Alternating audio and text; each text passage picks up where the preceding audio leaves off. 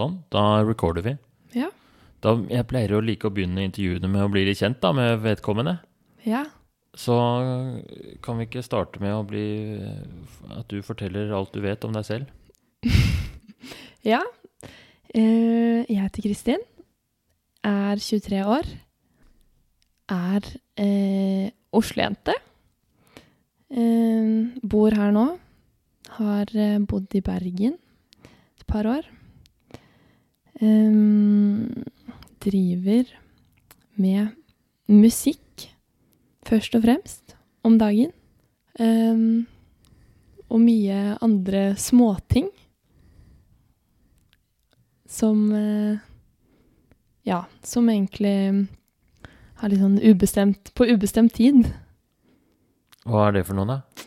De småtingene, det er litt sånn eh, eventbyråarbeid. Um, og så er det å være instruktør. Det har jeg ikke gjort så mye av ennå, da. Men både sånn treningsinstruktør på SIO og instruktør på Sofies Minde, som er sånn fysioterapisenter for ja. eh, barn med skoliose. Nemlig. Mm. Jeg har laget en podkast en gang jeg, om eh, barn med skoliose. Nei, Jo, nei, det mener du ikke. jo jeg intervjuet en, eh, en ortoped, en barneortoped som er ekspert på skoliose. Hva heter vedkommende? Kjetil Kivle. Kivle. Jeg tror faktisk jeg har vært hos han. For jeg har litt skoliose selv. Har du det? Så det er derfor jeg Jeg fikk den jobben fordi jeg selv eh, var deltaker. Og så, mm, i all ydmykhet, er ganske rå på de øvelsene vi gjør. Så da er jeg blitt spurt av hun som er eh, eh, sjef, eller som liksom driver, driver dette, da, hun fysioterapeuten, om jeg kan overta hennes jobb som instruktør fordi hun skal skrive doktorgrad. Wow, Ja, så da Sånn skjedde det. så kult. Han snakket ikke så mye om øvelsene, men han snakket veldig mye om det korsettet. Mm. Har du brukt sånn skoliosekorsett? Nei. Ehm, uh, det har jeg nok ikke nok skoliose til. Eller jeg kunne sikkert ha hatt det, men jeg har ikke så mye. Ja. Så For de som ikke vet det, skoliose er da uh, at ryggsøylen er litt, er litt bøyd, eller li- eh, skjevheter. Den skal jo egentlig være helt rett, eller eh, Hvis den blir i hvert fall veldig skjev, så kan man få problemer, da. mm, Da heter det skoliose. ja. Gjerne litt S-formet. S-formet. Ja. Mm. Og rotert i tillegg. Den kan være rotert òg. Ja, det er den. Når den Når den er skjev, så er den når, også rotert. Ja, den, liksom, den roteres der hvor ryggen går ut, da. Ja. Så ja, så det Det skal jeg begynne med nå fra med neste uke. Så du har, litt, du har masse sånne småjobber, i tillegg til en musikkarriere som er i ebbinga. Ja, riktig. Så det er mye, mye forskjellig. Hvordan er det du Så du begynte med litt tilfeldigvis med den skoliosegreia, for du ble spurt om det. Mm. Og hvordan, hvordan begynte du med musikken, da? Mm, det har liksom vært et sånt eh, introvert prosjekt som jeg har hatt for meg selv veldig lenge, fra jeg var bitte liten. Eh, og så har jeg en bror som er produsent og låtskriver. Og, så da var det egentlig at, um, at jeg hadde laget en cover av Erik og Kristin Dra tilbake i Bergen. da, Så at jeg lagde den. Sendte det til Dag.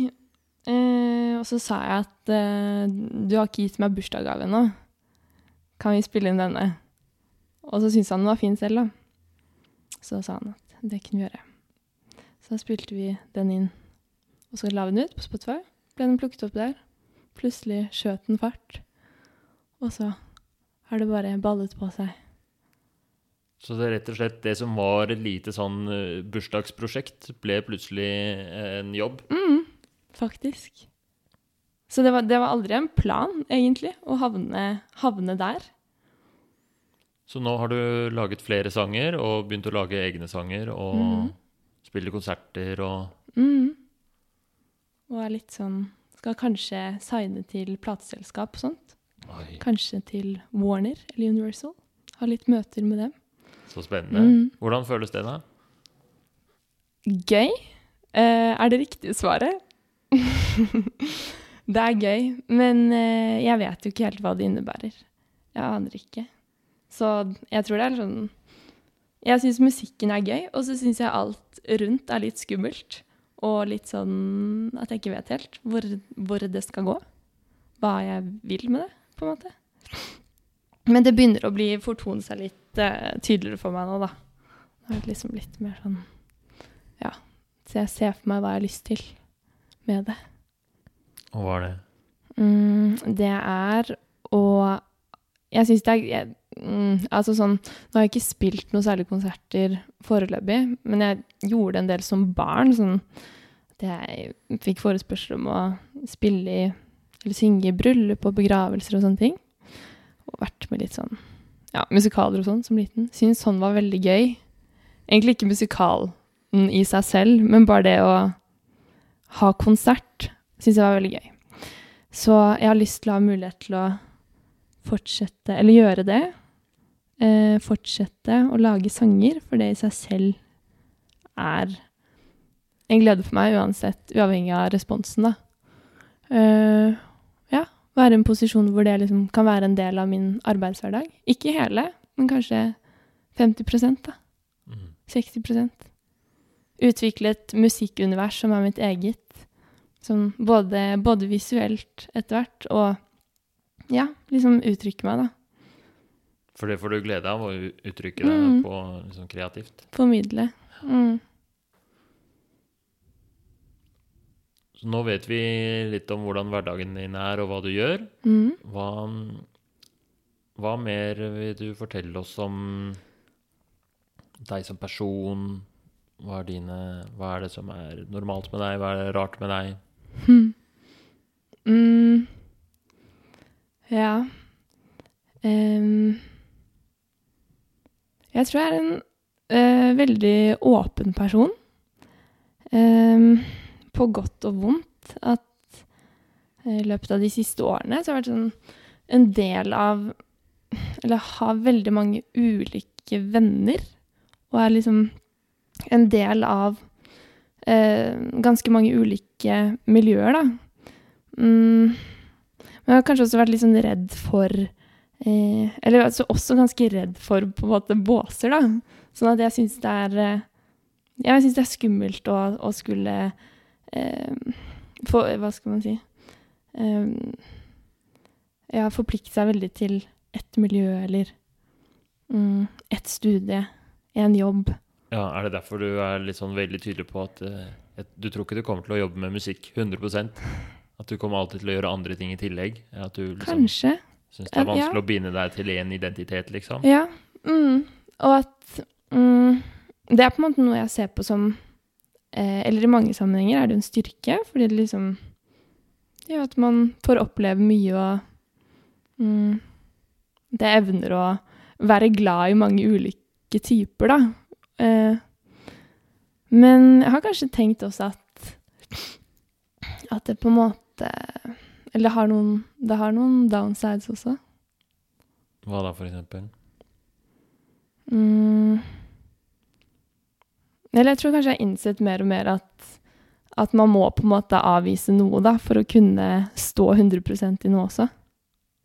Ja, du er litt eh, Du er veldig glad i å si ja til ting, og veldig inkluderende og åpen for alle mulige Ja. folk og opplevelser eh, og ja.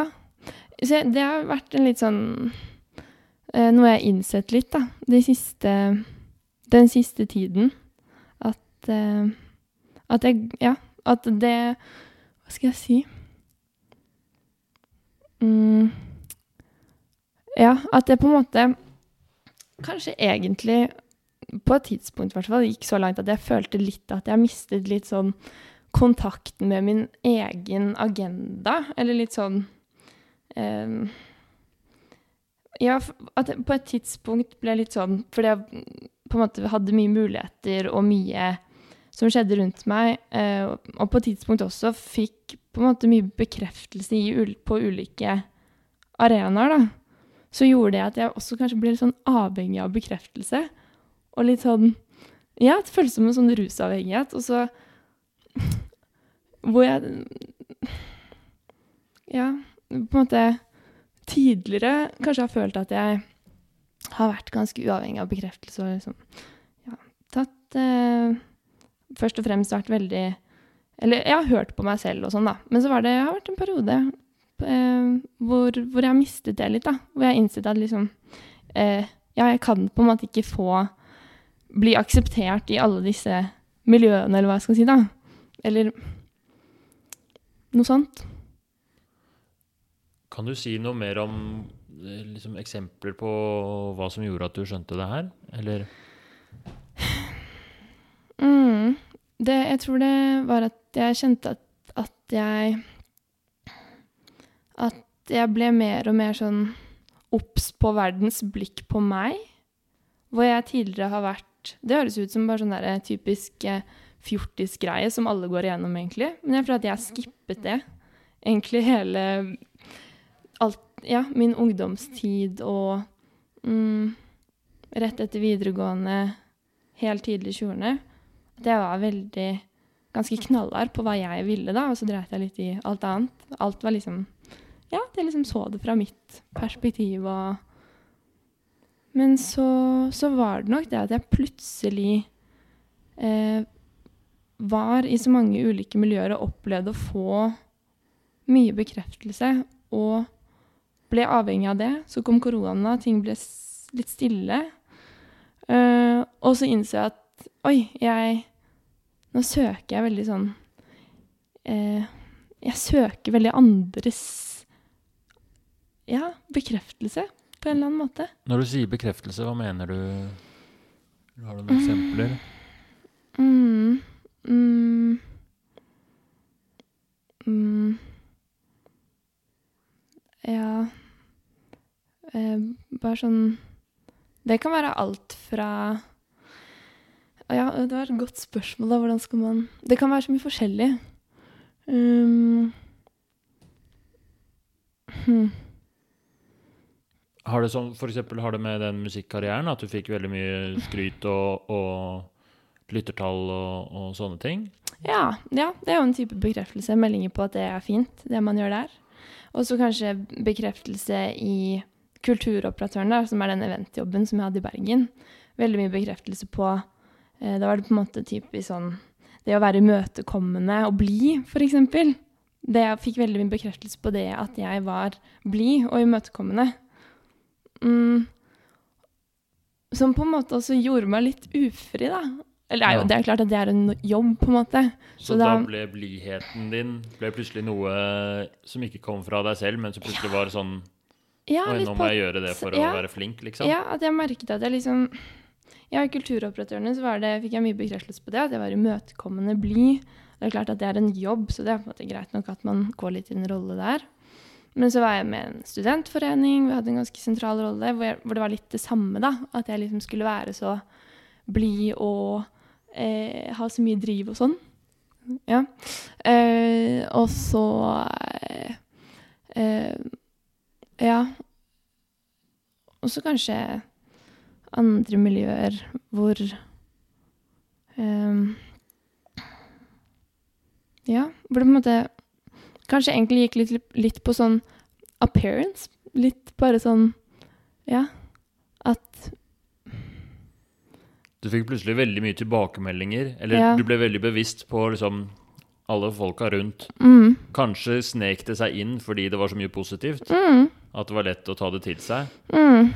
Og så eh, Hvordan merka du at du, som du sier, liksom ble avhengig av bekreftelse, eller at du mistet eh, noe med deg selv, liksom? Mm. Kanskje egentlig litt i forbindelse f.eks. Med musikken. da, At jeg har mye tekster og musikk som vil ut, som på en måte Som jeg begynte å tenke at ah, dette passer ikke overens med det, kall det imaget, som jeg har der ute. At jeg merket det var en litt stor avstand mellom hvem jeg var på innsiden, og hva jeg utstrålte til menneskene rundt meg. Ja, nemlig. Så det du utstrålte, eller det du liksom fikk beskjed om at det var bra at du mm, var så blid Det ble liksom, akseptert for. Ja, det ble plutselig en sånn maske som du ikke kjente deg helt igjen ja, i. Ja, og det ble helt rart sånn Ja. Og også sånn med tanke på Ja, periode var det var mye festing også. Det var litt sånn festete miljø her i Oslo. Eh, som også Ja, og jeg liksom fikk mye bekreftelse på det å være veldig outgoing og sprudlende. Og så, ja, og så ble avstanden litt stor, da, mellom hva som egentlig kanskje var inni meg. Ja, hva var det, da? Mm. Så så klart, det er jo, det er jo ikke sånn 100% skuespill når jeg er sånn. Men jeg tror jo at eh, jeg har mye inni meg som er ganske mye mørkere enn det også. Og mye mm, Ikke så eh, Og på en måte nevrotisk, da. At jeg liksom kanskje eh, latet som at jeg var mindre sensitiv enn jeg var, eksempel. Liksom bare sånn, ja, uberørt av mye. Som jeg egentlig ikke var uberørt av. Ja. Mm. Men i hvert fall så eh, det, det rare her er at igjen, det her er på en måte ikke noe som jeg har mm, Man skulle kanskje tro at det var noe liksom, som man gikk gjennom tidligere, eller noe sånt. Men at Nei, det var liksom noe som kom først i en alder av typ 21, da.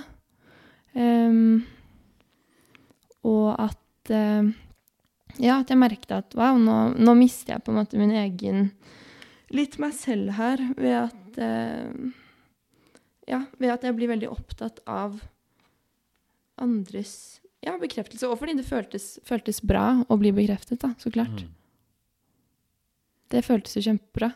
Altså det, det er en slags rus i det. Og at jeg merker at når jeg nå prøver å fri meg fra det, da, tenke at liksom, ok, det er greit at jeg mm, Eller på en måte heller skal jobbe mer med min indre dialog, da. På en måte beundre meg selv i stedet for å jage og bli beundret av andre. Så, så, så jeg føles det som å kjempe mot en rusavhengighet. Nemlig. Det føler Ja, det er sånn addiction, sånn rusavhengighet, som du sier, Ja. som eh, Som du driver og dealer med nå. Ja, faktisk. Mm. Det er litt sånn. Men det føles eh, Det føles ut som en riktig sti. Ja. Ja, for jeg føler at jeg havnet helt holdt på å si, på kjøret. Mm. Mm. For det, er jo Nei, ikke fett å gå rundt og eh, Ja, hva er det sånn selv, Selvbevisst. Jeg ble mer, sånn, ble mer selvbevisst. Og det, jeg synes det, det var jo på en måte det jeg likte best med meg selv før det her inntraff, var at jeg ga litt F, da. Ja. Og jeg hadde litt sånn eh, Og jeg hadde jo ikke Jeg gjorde min egen greie, og jeg var Jeg trengte liksom ikke så mye trengte ikke så mye fra andre og verden rundt meg, fordi jeg hadde liksom et eget en egen verden, jeg, hvor det var helt topp, og jeg likte meg selv. Sånn mm, Ja. Eh, Og jeg var jo ikke på Instagram, jeg var ikke på sosiale medier. Så jeg liksom Det der med å holdt på å si, skape seg en persona, som mange driver med, det var ikke noe jeg var kjent med. Så, men det var jo også noe Ja, plutselig skulle jeg være sånn I forbindelse med denne det, dette musikkprosjektet, da, skulle jeg plutselig være på Instagram eller være på Ja, vise meg frem, da. Og da blir det også en sånn type Så klart booste den derre eh, se seg selv utenfra-greia. ja. Så det var nok en ting som kanskje dyttet Som var med å dytte ting da, i den retningen. At, ja, at jeg begynte å føle på det. Så det at uh, Instagram-posting var på en måte en slags sånn obligatorisk del av å drive musikk som karriere, Ja. Ble bidro til den her eh, endringen hos deg, liksom? Ja, jeg vet ikke, vet ikke hvor mye det har hatt å si. Altså. Det har nok ikke vært sånn kjempe Men, men, men sikkert litt, i hvert fall. Ja. Og så ja, hadde et litt prøvesamarbeid med eh, et sånt promoteringsbyrå, hvor de jo ønsket å promotere meg på en klassisk sånn artistmåte. Men eh, hvor det ble helt feil for meg, da. Ja. Hvor eh, jeg måtte stoppe det. Hvor det var typ litt sånn Ble litt rosa syngejente-opplegg. ja, de hadde liksom en idé om hva som kommer til å selge, og så Ja. En sånn mal. mm, Skulle følge en mal de hadde sett før. Eller ja, det blir litt stygt å si, da. Det er jo ikke eh, Ja. Nei, ikke for å stille det med noe dårlig lys, men Men ja. Det var i hvert fall det som var litt følelsen min, da. Mm. Jeg syns det er interessant at du bruker eh, ordet rusavhengighet, for det er da eh, Det er jo eh, ofte tema for motiverende intervju. Eller Mm. motiverende intervju er laget for å hjelpe rusavhengige i første omgang, og så har de jo eh, masse bruksområder rundt det, da. Mm. Det er jo ikke bare rusavhengige som trenger motivasjon. Men i hvert fall, eh, da er jeg spent på hva, hva du har Om du har noe du det, Et spørsmål som vi ofte stiller for å komme i gang med motiverende intervju, er om man har noe man har lyst til å endre på, eller om man, man har noe hvor man tenker at her trenger jeg litt motivasjon. Um, har du noen tanker om det? Mm.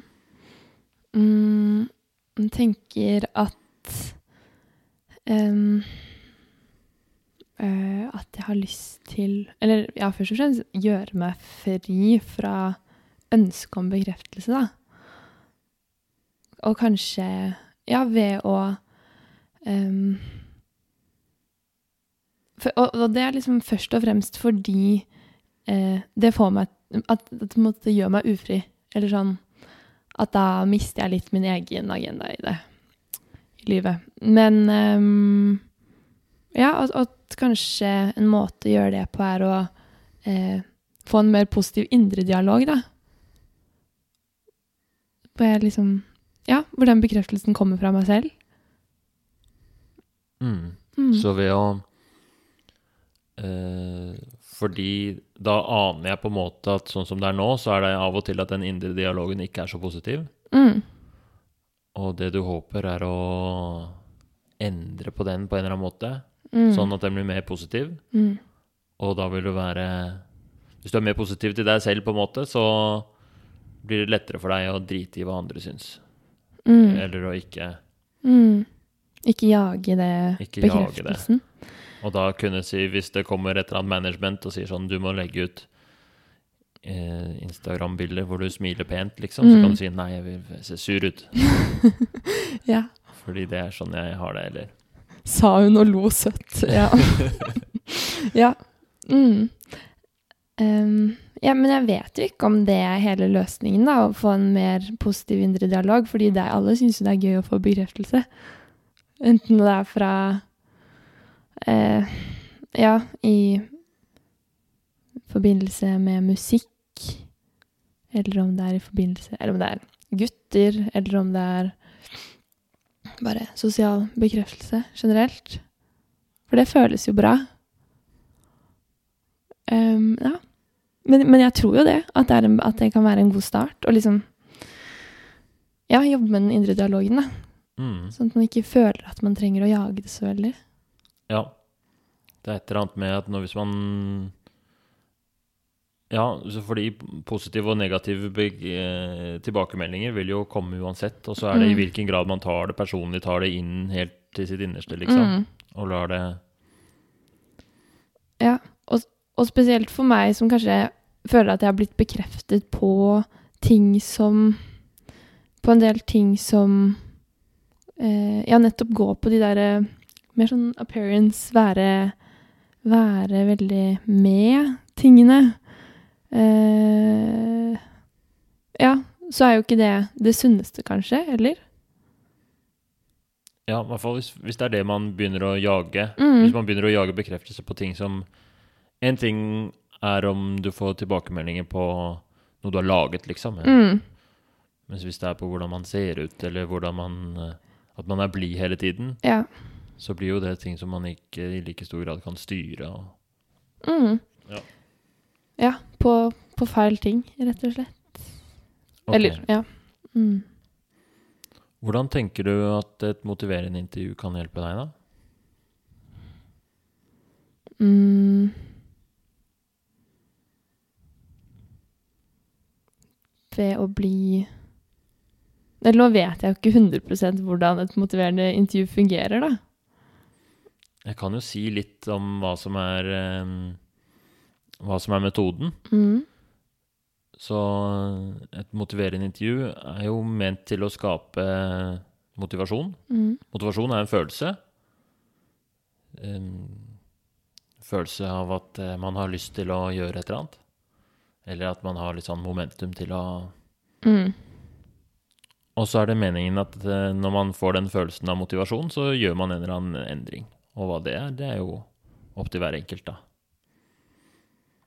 Og for å skape den eh, motivasjonen, så er egentlig trikset er Og det er det som er ikke intuitivt.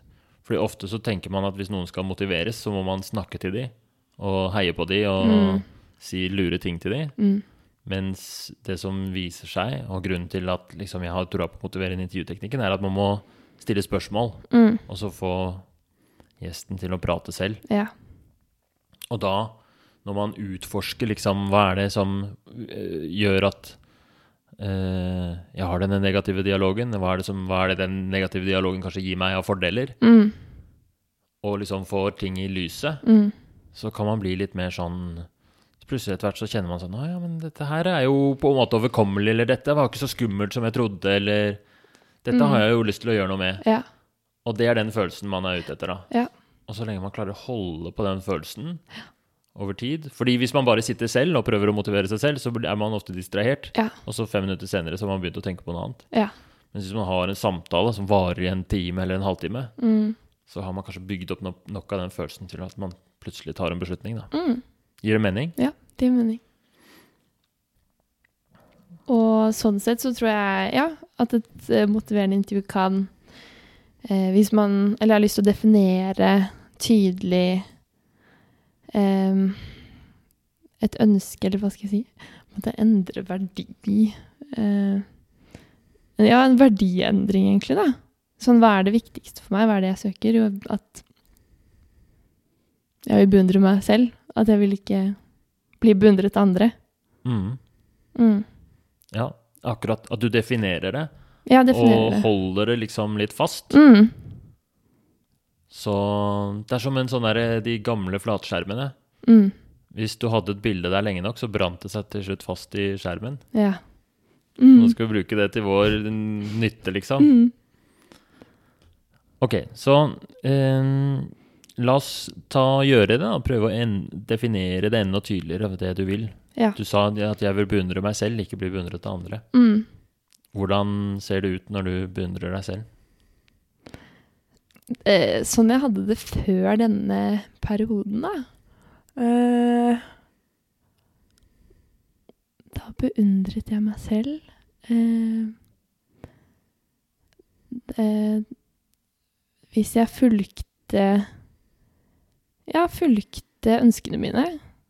Hva var det sånn typisk? ønskene mine. Har du noen eksempler på ganger hvor du har handlet etter ønskene dine? Ja, bare sånn at jeg fikk lyst til å melde meg på et triatlon, og så jobbet jeg ganske knallhardt mot det noen måneder, og så Da var det ikke noe problem for meg å si nei til å være med på fester eller å øh, Ja. øh, eller å si nei til å være med folk som ja, hvor jeg liksom hører veldig på meg selv, da. Hvis det er en gjeng med mennesker som er eh, Ja, i den perioden, da. Sånn feste, festegjeng som bare Nei, hadde ikke så lyst til det da, så da Da er jeg ikke noe redd for å ikke please der, da. Mm. Da føler jeg meg fet fordi jeg hører på meg selv. Ikke fordi jeg er slem, for jeg er jo ikke slem, men Eller kjip. Ja, du må jo bare gjøre som du vil, liksom. Ja. Så da føler jeg meg bra. Så det er de gangene hvor du eh, Både at du sier ja til ting, som Mm. dette triatlonet som du Mm. deltok i, Mm. og så du sa nei til Ja. å dra på fest som du ikke Ja, ville på. så egentlig at jeg hører på meg selv, da. At jeg lytter veldig godt. Ja. Kjenne etter, liksom. Ja. Og også at jeg er uredd, eller mm, Ja, at jeg tror jeg har det i meg å være ganske uredd. Sånn som det også, det var det å bare gi ut den sangen, da. Mm, Kan jo dukke opp masse negative tanker knyttet til det òg, men å tørre det fordi man på en måte har Eller fordi jeg har respekt for at det syns jeg er gøy. Uavhengig av responsen. Ja, Så det er noe med mot også, at du tør. Ja, ja, da tror jeg jeg føler meg bra. Mm. Fordi jeg har en del lyster i meg som kanskje er litt på siden av det mange har. Jeg vet ikke. Jeg vet ikke hvordan andre er. Men ja, vil jeg tørre det, da. De tingene som jeg kanskje drømmer om eller syns er morsomt. Ja. Mm. Så øh, ved å være sånn uredd og Er det på en måte å være litt sånn autentisk, eller være veldig ærlig også? Mm. Mm. Så det føles bra. Ja, det føles veldig bra. Men hva er det Det er jo en grunn til at eh, du til tider havner Eller får en sånn dialog hvor du blir avhengig av bekreftelse og sånt, da. Mm. Kan det være at det er noen fordeler med det? Noen sånn Noe som er lettere når du er i den Ja. modusen? Ehm. mm, mm. Jeg tror at da blir jeg litt Blir jeg jo litt distrahert, da. På en eller annen måte. Ehm. for, ja. Det tar og dekker over noe ubehag, eller uh, det Mm. Ja, det tror jeg. Ja. Jeg vet ikke helt uh... Ja, jeg vil si distraksjon kanskje er det nærmeste jeg kommer. Beskrivende ord. Ja. Ja. Jeg tror det er i hvert fall det er sånn essensiell del av intervjuet er å komme fram til hva er, liksom, hva er det det gir deg? ja det Denne som negative driver- dialogen. Hva er Å ja. Hva den negative dialogen gir meg, eller hva Ja. på en måte bekreftelsen ja, fra andre? bekreftelsen fra andre, og uh, ja, hva er det det gir deg som gjør at du blir avhengig av den? på en Ja. måte?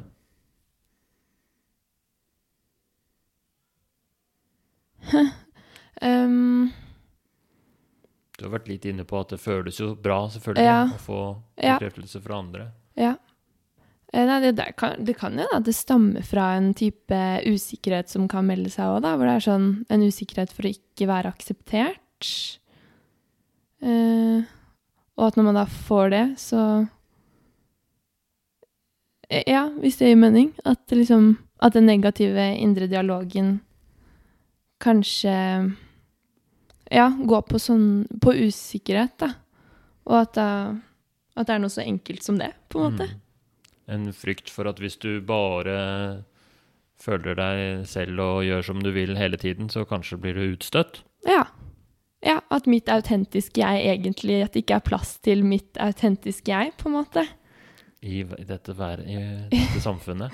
Ja. Så kan, vi kan ikke ha noe sånne helt ekte Kristin. Ja, Det det, tror det jo det tror jeg er en liten eh, usikkerhet som ligger der alltid. Om liksom Går det? Ja, går det? Hva vil du si til den, da? Eller hvordan, hva, hvordan vil du bedømme den? Mm, den usikkerheten eh, Når jeg ser på den, når jeg tar den frem med lyset og ser på den, så, så tror jeg ikke det er helt sant. Eh, Tror du det er plass til en helt sånn hudløs, ekte, kompromissløs Kristin? Jeg tror det. Men jeg tror også det innebærer at noen av de jeg har fått bekreftelse fra, eh, vil falle fra. Det tror jeg. Men jeg tror at um, det vil føles bedre likevel. Mm. Hvordan, eh, hvordan vil det føles når de faller fra deg? Eller hva, hva vil det innebære? Egentlig bare at, eh, at jeg står helt fritt. Så det er egentlig bra. Det er egentlig bra. Men hvorfor er det eh, Det virker som det er en frykt der òg, eller?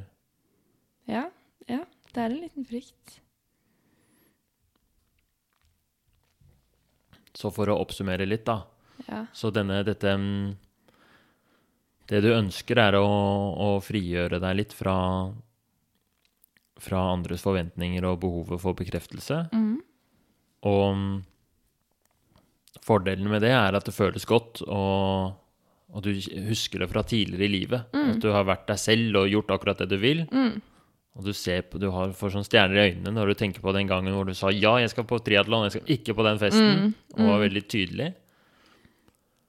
Eh, Men så er det jo en fordel ved å liksom leve et andres bekreftelse, det er at det er litt sånn trygt. Ja. Det er jo tryggere når alle rundt deg sier sånn ja, kjempebra. Ja. Og det er et eller annet veldig menneskelig med å forholde seg til hvordan andre vil at vi skal være for å passe inn. Mm. Så du står liksom i den derre eh, limboen der, da. Ja. Ja, jeg tror det. Um, selv om jeg vet liksom ikke helt om om det ville vært så stor forskjell sånn i praksis, på en måte. Hva mener du med det? Nei, hvis jeg bare slapp det her helt, da. Eh, den lille frykten for å kalle det Kanskje ende opp alene, da. Det er vel noe sånt noe. Ehm, ja, hvis jeg holdt på å si slipper monsteret løs, eh, så tror jeg egentlig at eh, Nei, jeg tror på en måte ikke det ville vært så stor eh, Altså, ja, igjen, kanskje noen få, da, som man eh, Som vi tenker Eller som, ja, som man mister litt, da. Eller kanskje et miljø man ikke passer inn i lenger, eller hva enn. Men jeg tror ikke det ville sett så annerledes ut, egentlig. Mm. Jeg tror ikke det ville vært så merkbart for så mange andre enn meg selv, Nei. hvis det gir mening. Så hvordan vil du merke det selv, da, hvis du slapp monsteret løs? Eh, Og med monsteret så mener du den ekte Kristin? ja, riktig. Mm. Uh, nei, det ville Det ville bare uh, Ja, vært Jeg hadde vært eh, eh, Brukt mindre tid på å eh, gruble over eh, eh, Ja, over meg selv.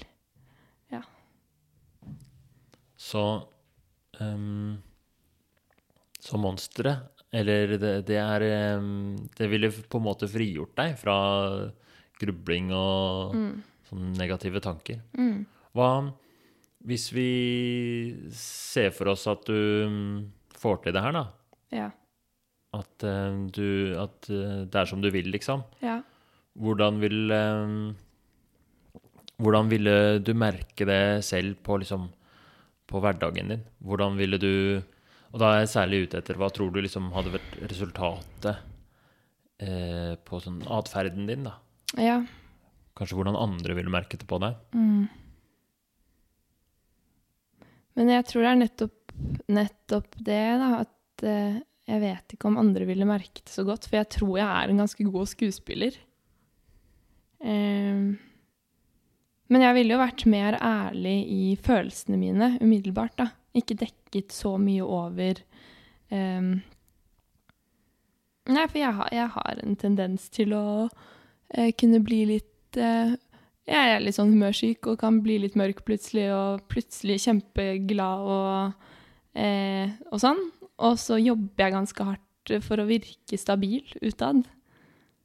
Eh, men jeg er jo ikke noe Jeg er jo ikke usmakelig. liksom sånn, Det er jo massevis av Eller ikke massevis av folk, men familien min og mine nærmeste venner vet jo hvordan det er, og de, de liker meg veldig godt. Så eh, Så jeg tror bare at det ville vært at jeg var mer Kanskje jeg til og med opp, hadde blitt oppfattet som litt mer ærlig også. At kanskje eh, noen hadde opplevd at de kom litt nærmere meg. For det er også noe jeg har fått tilbakemelding på at det liksom Ja, at mange føler at, eh, at jeg holder en del litt på en armlengdes avstand også, da. Nettopp fordi jeg kanskje opprettholder litt en fasade. Så hvis, hvis du eh, Så en del av liksom prosessen med å, å bli um, mer sånn frigjort fra andres bekreftelse og bli mer sånn beundre deg selv, Mm. så litt av resultatet av det vil være at du Hvis jeg forstår deg riktig, sånn Nei, jeg, jeg vil ikke, jeg er så sur i dag, jeg er i dårlig humør, eller at du Mm. Eh, eller at du bare er sånn Nei, jeg er så glad, jeg Jeg gidder ikke å komme på jobb, jeg Eller jeg vet ikke hva det skulle vært. Men sånn, Ja. sånne, sånne Kan du komme med sånne type eksempler? På, hvis, Ja. hvis vi forestiller oss at uh, jobben er gjort, liksom, at du er blitt Ja. Ja. Eh. Mm. Ja, det ville vel vært liksom sånn eh, På en måte Ikke Først og. Hm. Ja, ja, hvis det er en For eksempel en jentegjeng, da. Eh, En hypa jentegjeng, og så er ikke jeg hypa. Så så sitter jeg der med armene i kors, da. Og det Sånn får det bli. Ja. Så da ville du vært hva, for, Hvordan ser en hypa jentegjeng ut? Jeg, jeg vet ikke om jeg forstår helt hva det er for noe. Ah, Ja, sånn gira jentegjeng som drikker Prosecco. Ja. Så du er med en jentegjeng og drikker Prosecco. Ja. Hvor er det det- dere er? Nei, da er vi vel hos en av jentene, da. Hos en av de gira jentene? Ja. Mm. Og så eh, er det liksom to måter du kan da agere på. ja. Fordi den, du, så, du, for du er ikke, du er ikke gira. Nei, hvis, ja, hvis jeg da ikke er gira, da. Hvis du er uh, ikke gira, Ja. så kunne Du kunne satt på en maske og latt som du var gira, og, eller kan beskrive liksom Ja. de, de to scenarioene. Mm. Um, kanskje vanligvis ville jeg gått litt mer inn i en eh, eh, Vet ikke jeg, liksom pleaser-aktig rolle hvis jeg følte at her er det en mismatch mellom Mm. eh, på en måte hvor, hvor jeg er, og hvor de andre er. Ja, nå er alle så gira, nå må jeg ikke dra ned stemningen med Ja. å være meg selv, liksom. Ja, og at liksom sånn eh, Ja, at det er ikke helt plass til meg og mitt eh, knausgårdhode, da. Hvis du skjønner hva jeg mener. Eh, og så vet jeg, vet jeg jo blant kanskje blant jentene, så er det to av dem som jeg vet at liker meg og mitt knausgårdhode ekstremt godt. Men så er jeg litt usikker på liksom, om det tas imot blant disse andre festjentene, som jeg for så vidt har det gøy med også, hvis jeg er i samme humør. Men jeg tør liksom ikke vise det helt, da. Fordi jeg tenker at da Da Ja, det er ikke helt plass til Jeg kan ikke helt se for meg at Ja, at vi matcher der. Mm. Når jeg er på det i den state of minden, på en måte. Så hvordan ser det ut hvis du hadde sluppet monsteret løs og ikke vært løs. Monsteret Knausgård slipper løs eh, der. Hva hadde det utartet seg?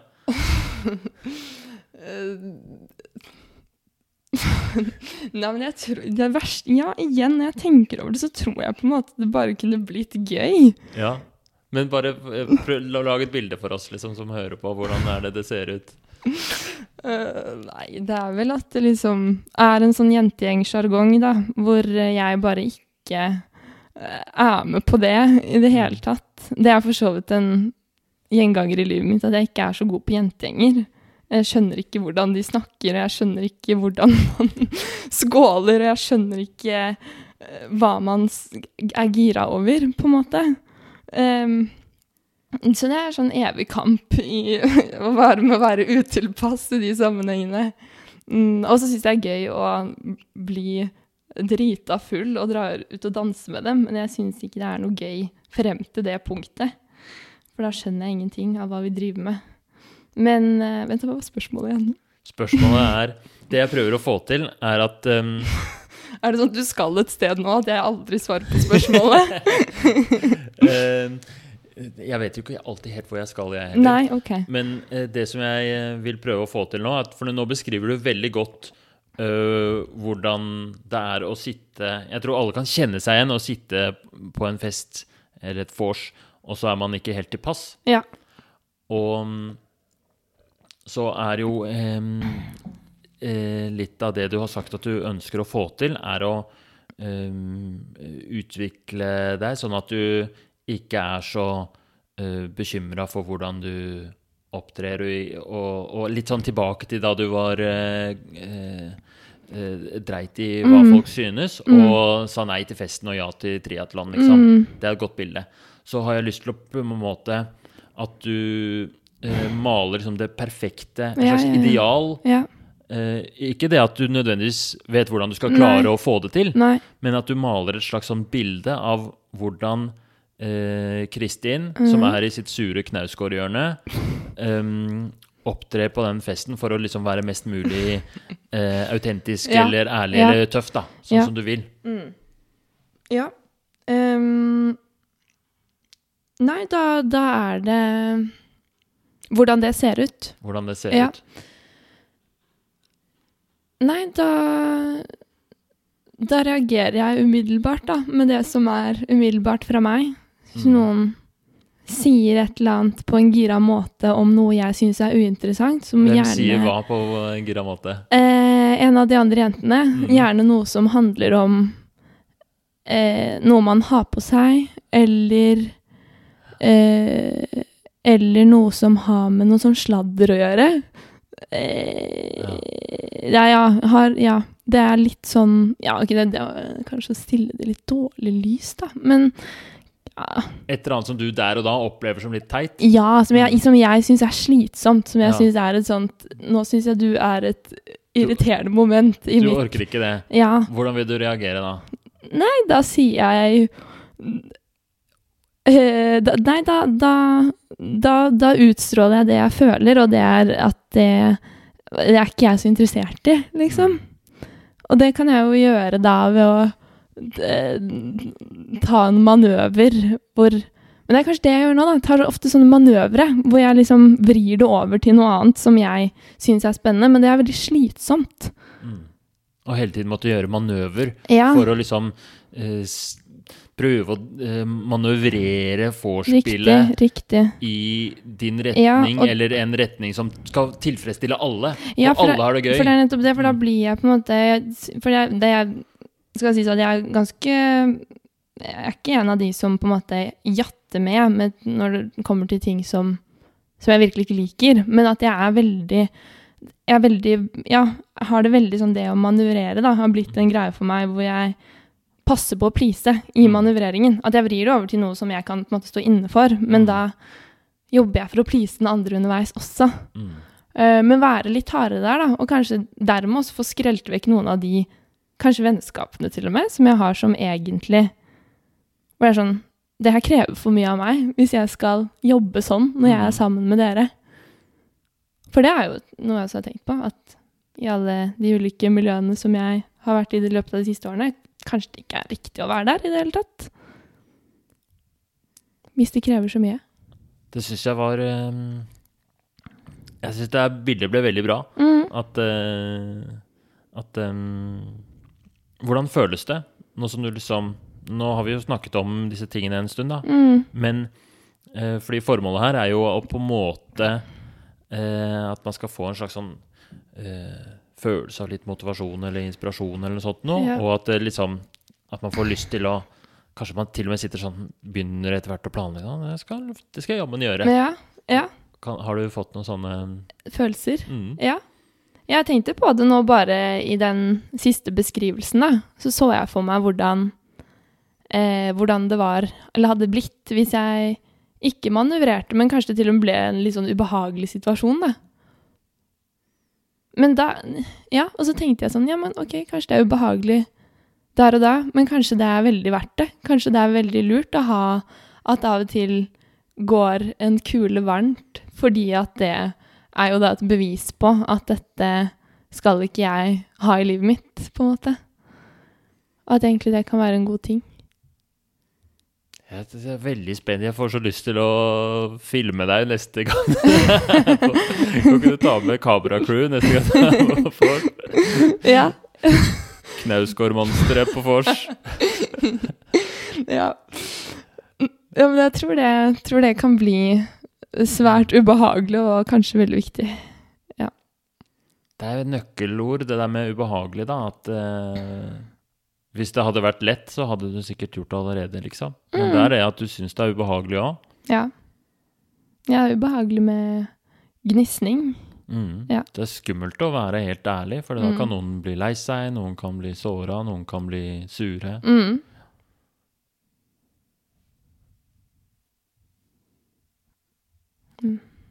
Hva tenker du nå? Har du lyst til å oppsummere mm, Kan ikke du prøve å sånn oppsummere hva som har skjedd i løpet av samtalen her? Mm. Det er også på en måte en øvelse, og det er ikke, Ja. sånn, det er ikke så veldig lett, men Nei. du kan jo prøve. Um, jeg tenker at uh, utgangspunktet var at jeg hadde liksom en fornemmelse uh, om, slash av, hva sier man, av at um, at jeg skulle fri meg fra bekreftelse. Fordi det gjør meg ufri. Og nå, nå føler jeg sånn eh, at, måte, at, at vi dro det til liksom ytterkanten, da. Til på en måte et ekstremt punkt som egentlig eh, Eller ikke ekstremt, men sånn At det var der Det var veldig bra at det gikk dit. Det ble i hvert fall til et sånn veldig sånn konkret et, Ja, mm. hvor um, Ja, bare tanken på den situasjonen, da. eh, eller å havne der, som jeg ønsker. At det tror jeg kommer til å føles utrolig deilig. Og der har jeg jo vært før. Og, det, og da syns jeg selv at jeg er ganske rå. Og da liker jeg meg selv skikkelig godt. Og da Ja. Det gleder jeg meg til. Gleder meg til å komme dit Ja. igjen. For det er ikke som om dette her er noe som er helt ukjent for deg. Det er egentlig sånn du er. Ja, Det er bare at du føler kanskje litt i det siste så har det vært ja og ganske langt siste. Kanskje to år, da. Mm. mm. At jeg har hatt to år på en helt sånn merkelig sti som Ja. Som er feil. Du har prøvd ut noe annet i noen år Ja, og egentlig. funnet ut at det liker du ikke så godt. Nei. Nei, jeg må tilbake til Knausgård-monsteret. Du må tilbake til knausgårdmonsteret. Mm. Det er typisk sånn som når eh, man har et motiverende intervju, og pasienten sier 'jeg må tilbake'. Sånn. Den der, det er et tegn på ofte at uh, det er litt motivasjon der. Ja. At man er litt Hvordan føles den der motivasjonen? Kan du beskrive den? Um, den føles mm, Det føles som en sånn dyp stemme inni inni meg som eh, Ja. Som, eh, som er sånn rolig og bare sånn Ja, du vet hva som er bra for deg. Wow. Mm. Den, jeg tror nesten vi må avslutte på den stemmen der. Mm. Tusen takk for at du stilte opp på intervjuet. Tusen takk for at jeg fikk komme.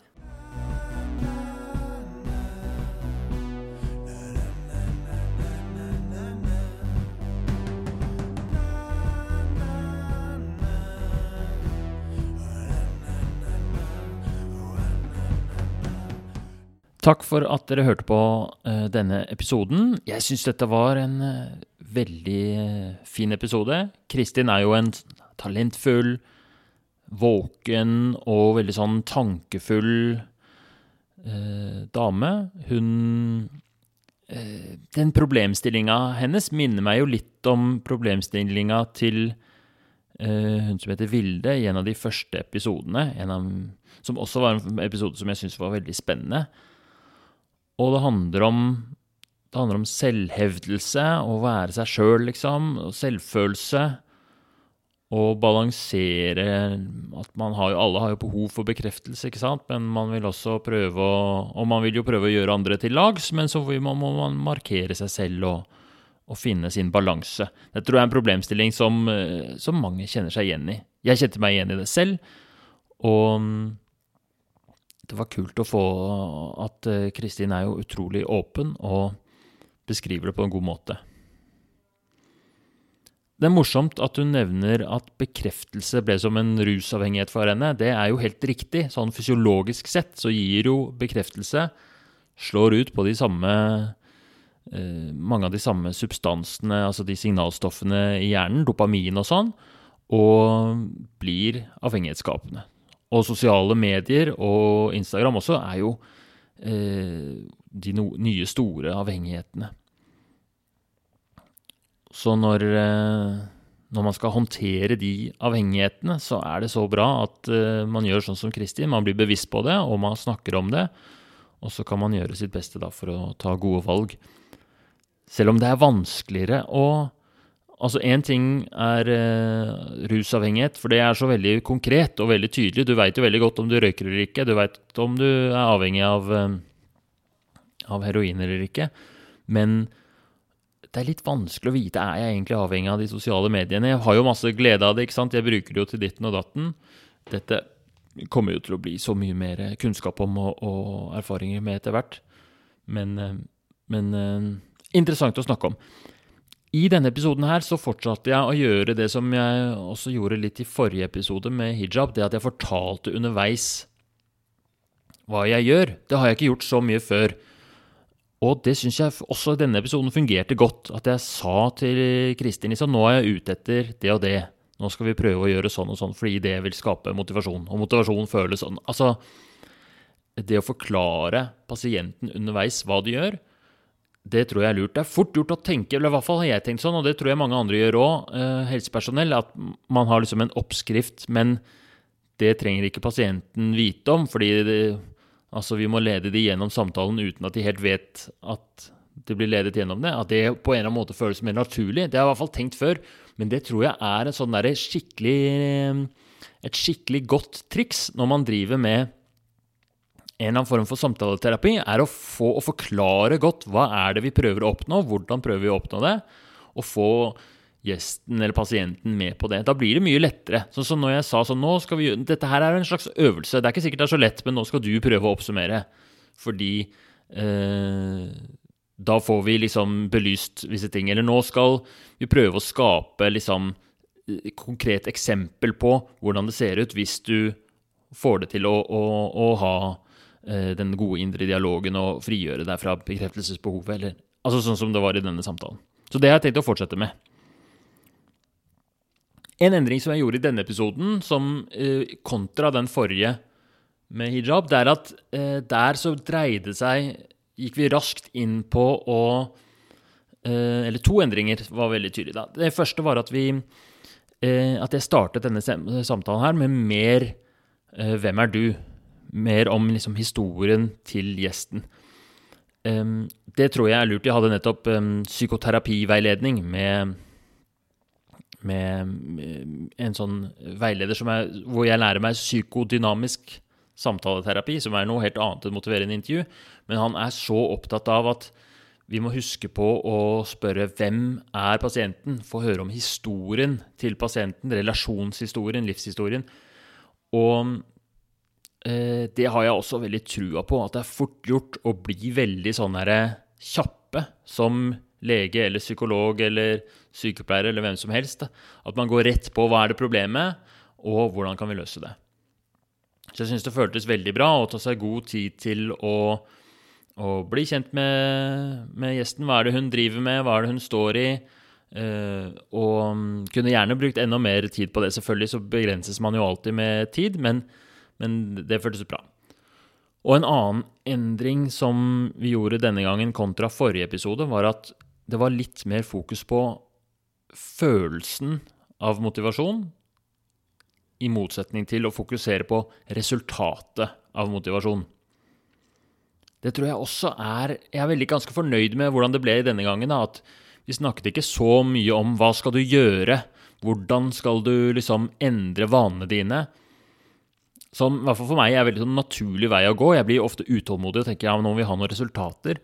Men det er liksom en felle å gå i, tror jeg. At man fokuserer veldig på det. For det er fort gjort da, å begynne å bli ledende, ikke sant? Og, og, at jeg begynner å tenke for at du skal få frigjort deg for ditt behov for bekreftelse, så må du begynne å gjøre ting annerledes. Og det, burde, det du burde begynne å gjøre, er å si nei til å dra på vors, liksom. Slutt å dra på vors.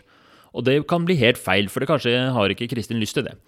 Så ved å fokusere på følelsen av motivasjon, at jeg spurte underveis liksom, kjenner du deg litt motivert nå, kan du beskrive hvordan det føles, så Eh, så blir det jo eh, blir man liksom bevisst på Fordi motivasjon er en følelse. Motivasjon er ikke et resultat. Resultatet er liksom et produkt av motivasjonen. Gir det mening? Så hvis man klarer å skape og fokusere på den følelsen av motivasjon, så vil liksom resultatene komme litt av seg selv. Det er en mye mer behagelig måte å jobbe på for meg også, for da slipper jeg å liksom legge planen for pasienten. Da kan jeg bare liksom stoppe opp og Hvordan føles det?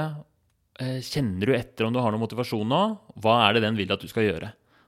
Det blir liksom eh, Det er et fint fokus. Jeg syns det fungerte godt i denne samtalen. Og det ble jo helt nydelig da Kristin beskrev motivasjonen som en dyp og rolig stemme inni henne. Det syns jeg var et godt bilde. Eh, og nå, vi avsluttet jo nå med at hun tegnet en tegning av Knausgård-monsteret som hun skal slippe løs. Så den tegningen ble Jeg ser på den nå, den ble veldig kul. Jeg har tatt bilde av den, så det kommer jeg til å legge ut på den eh, Facebook-gruppa som eh, lytterne kan melde seg på. å Der skriver jeg av og til oppdateringer og legger ut bilder og sånn. Eh, jeg kommer også til å legge den ut på min Instagram, Herman Egenberg, hvis dere har lyst til å se det bildet der. Um, men ja, så dagens lærdom er bruk litt tid på å bli kjent med pasienten og få fatt i historien. Og også fokuser på følelsen av motivasjon. Det er den vi skal fram til. Og den burde være, akkurat som Kristin sin, den burde være litt sånn rolig og tydelig og sterk, men ikke for eh, crazy. Altså motivasjon, Den perfekte motivasjonen, som jeg ser for meg, er en sånn mild bris som bare du enkelt kan liksom heve et seil og seile rolig på. Ta små, gode beslutninger og gjøre rolige endringer. Hvis det blir for mye motivasjon, for crazy vind, og det blir sånn panikk ah, 'Jeg må endre alt med en gang', så er det dømt til å bli noe man gjør fort og gæli en gang, ikke sant? og så gjør man det aldri igjen. Typisk sånn du har lest en eller annen bok om et eller annet, og du bare 'Ja, nå skal jeg vende om på hele livet'. Og så ender det med at eh, det bare blir kaos, og så, så faller alt, hele prosjektet pladask.